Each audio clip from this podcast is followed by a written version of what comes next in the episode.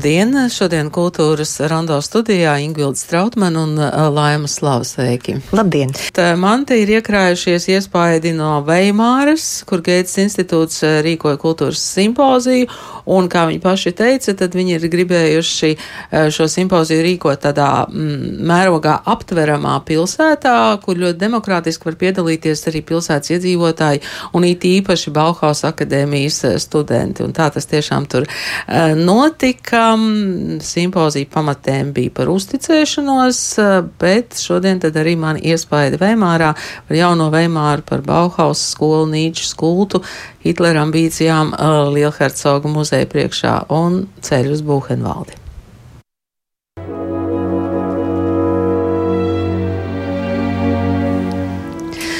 Jā, šodien Rihards Vāgners, Lists un vēl dažas personas man šķiet mūs kaut kā vada un, un rāda arvien jaunus ceļus, kā, kā satikt cilvēkus, kā atrast kaut kādas pēdas un, un faktiski turpināt meklēt pēdas.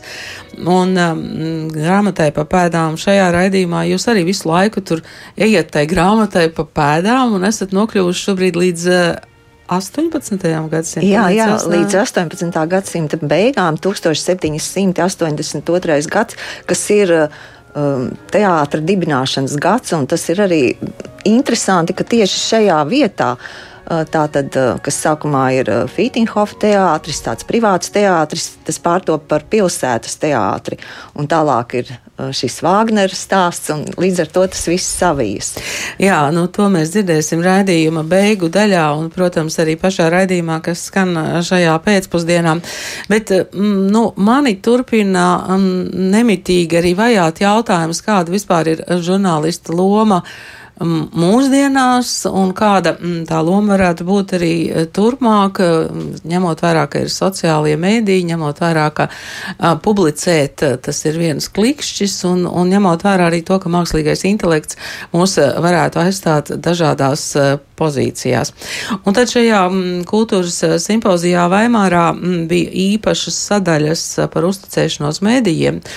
Un uh, tur bija arī Ukrainas uh, sabiedrisko mēdīju uh, pārstāvu žurnālisti, kas gan pieslēdzās Zūmā.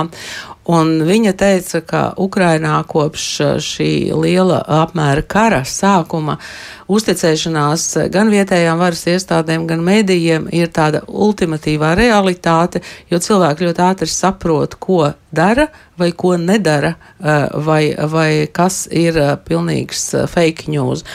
Un, savukārt no ļoti daudzu dažādu valstu žurnālistiem izskanēja doma, ka žurnālistikas nākotne ir tajās lokālajās, unikālajās sajūtās un ziņās, tajā, ka žurnālists atrodas tieši tajā vidē, nevis replicē kaut kādus virsrakstus vai ziņas. Es domāju, ka, nu, mēs par to varam domāt, un, un droši vien, ka mēs to arī darām, vai ne? Mēs esam tajās vietās. Tieši tā, un es arī piekritu būt šeit kopā ar tevi studijā, jo man ir tīri personisks priekšstats par Bauhaus, jo savulaik pirms, nu jau, teikt, daudziem vai vairākiem gadiem es biju Berlīnē, toreiz tur bija atvērts šis Bauhaus arhīvs, tāds dizaina muzejs, skola, ko es domāju, ka tagad gan es nepārbaudīju, bet pašlaik viņš ir uz pārcelšanas vai uz kaut kāda tādas stadijas, kur nav vairs iespējams to redzēt. Bet uh, šis apmeklējums man bija tik spilgts. Nu, es to ne, joprojām atceros vissīkākajās detaļās. Un kā vēlāk šis muzeja apmeklējums uh, mani ir iespaidojis ar tālākiem notikumiem, ko tad varbūt mēs šī raidījuma gaitā arī mazliet atspoguļosim. Jā, un uh, Veimārā šis Bauhaus muzejs uh, tika atvērts tieši Bauhaus simtgadē, tātad 2019. 2018. gadā. Un um, tas, uh, ko es uzzināju ārpus tā, ko es pirms tam jau biju paskatījusies par Bauhaus, um, ka ir divi Bauhaus pārstāvi, tātad pietiekami zināmi, kas um, ir arī tur pārstāvēti. Arhitekts un mēbeļu dizainers Benks von Rossens un arī gleznotāja un tekstilmākslinieca Ida Kerkovijus. Viņi abi ir dzimuši Rīgā. Oh. Tā kā nu, mēs varēsim turpināt pētīt?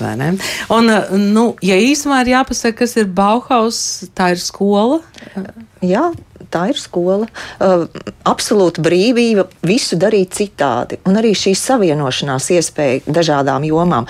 Un kas varbūt ir mūsdienu aktualitāte, ka Bauhaus uh, iesaistījās arī sievietes, kas tajā laikā, es domāju, bija nu, tāda Kirkovjus, jā, jā, tā bija liela novitāte un tāda uzdrošināšanās to darīt jā, par, par sievietēm, un kuras uzdrošinājās kaut ko darīt, par to es arī uzzināju Veimārā, e, bet e, tas mans e, atklājums varbūt bija mm, jaunā Veimāra, tā ir Veimāra pirms Bauhaus, un tās idejas eh, par, par to, kam tur ir jānotiek, Veimārai atkal ir jākļūst par, par tādu kultūras eh, centru Vācijā, nu, neliels fragments no audio gīda īsumā par to, kas tad ir jaunā Veimāra.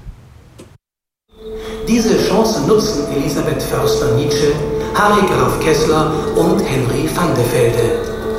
Nur wenige Monate nach dem Regierungswechsel treffen diese drei das erste Mal aufeinander. Innerhalb weniger Sommertage entwickeln sie die Idee des sogenannten Neuen Weimar. Elizabete Förstere Nīča, Friedricha Nīčas māsa, Harijs Grafs Keslers un Henrijs Vande Velde izmantoja varas maiņas sniegtās iespējas. Šie trīs cilvēki tieks tikai dažus mēnešus pēc jaunā Lielhercoga stāšanās amatā. Dažu vasaras dienu laikā viņi izstrādā ideju par tā dēvēto jauno Veimāru. Ir pats 20. gadsimta sākums, un pie varas ir nācis Lielhercogs Vilhelms Ernsts. Sekojot Gēta Šillera zelta laikmeta un Franča Lista Vāgnera sudraba laikmeta piemēram, Veimārai atkal bija jākļūst par Vācijas kultūras centru iepratim Berlīnei.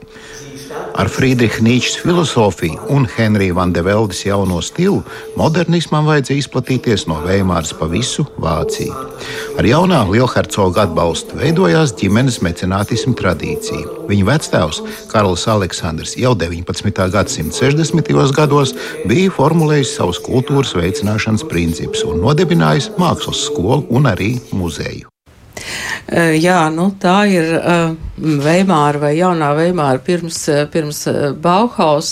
Un, mm, tas, kas bija mans atklājums, tā bija tā ļoti pretrunīgā mm, Veimāra saina. Tā no vienas puses klasiskas kultūras pilsēta ar lielhercogiem kā kultūras mecenātiem, un no otras puses Hitlera ambīcijas lielhercogu uh, muzeja priekšā izveidot galvu vai, vai tā savu apgabalu fórumu, kur Fīrers varētu teikt runas lielām, lielām ļaužu vasām, un, un tagad tajā laukumā vienkārši aug zaļa zāle, un ir skatāms tāds lielformāta fotografijas praktiski pa visu pilsētu, kur rakstīts eh, liecinieks un liecinieci, tie ir cilvēki, mm, kuri savas dzīves beidz Buhenvaldes koncentrācijas nometnē, un uh, kuru noziegums bija pavisam vienkārši ebrejs.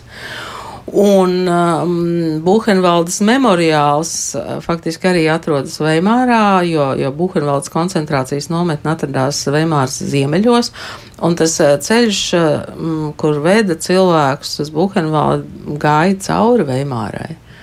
Tātad kārtīgajiem pilsoņiem nekas cits neatlika, kā tajā klusējot, noskatīties, neatkarīgi no tā, um, ko viņi domāja.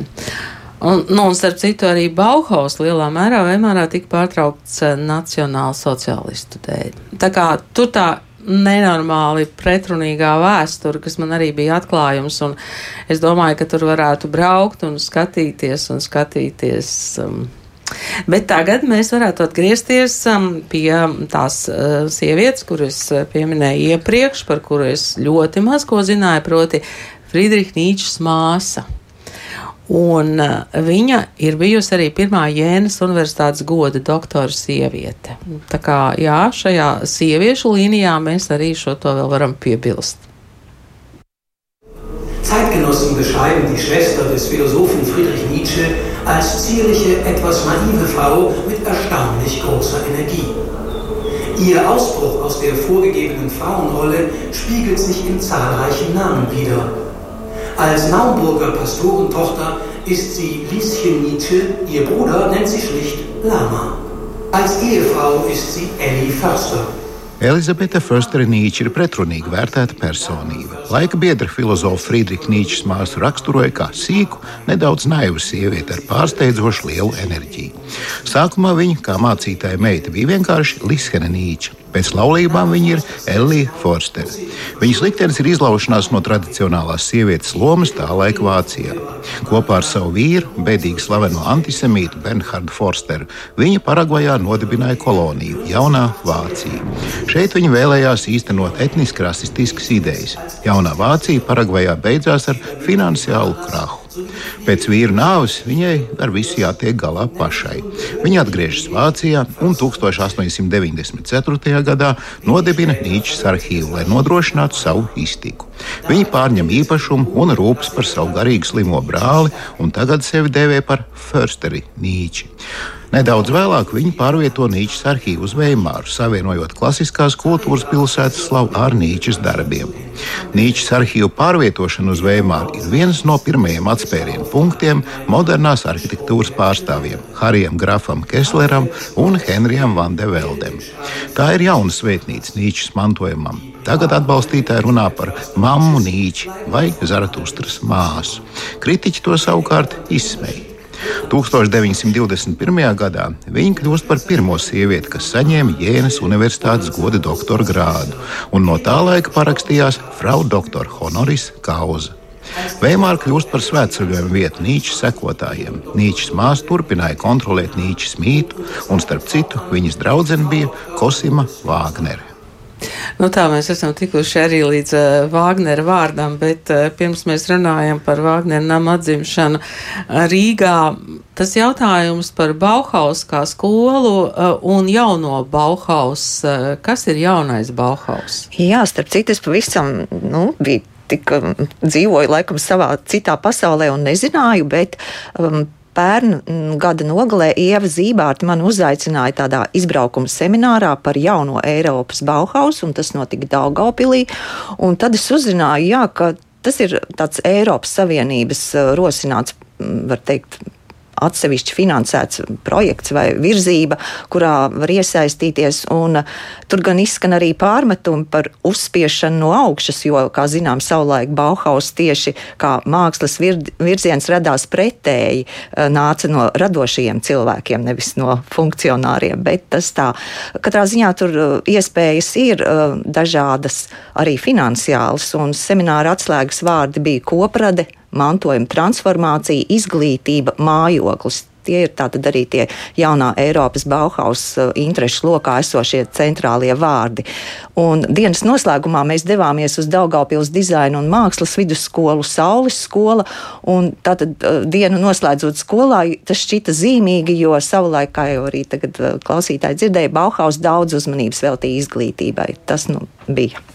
Jā, un starp citu arī Veimāras Bauhaus muzejs ir apvienojums, tātad, nu, tas simtgadu senais Bauhaus un arī tas jaunais, tieši tas, ko tu saki, kāda būtu mājoklim, kā dzīvot iespējami demokrātiski. Kopā, tur ir pat tādi video, kas um, varētu šķist varbūt mums nepieņemami, ka tur uh, dzīvo kopā um, cilvēki, kas patiesībā, nu, būtu tādi bezpajumtnieki, un studenti un bagāti cilvēki un, eh, un jā, un, un kā tad veidot tās savas uh, lietas, uh, lai, lai maksimāli maz ietekmētu dabu un maksimāli maz um, aizņemtu vietu.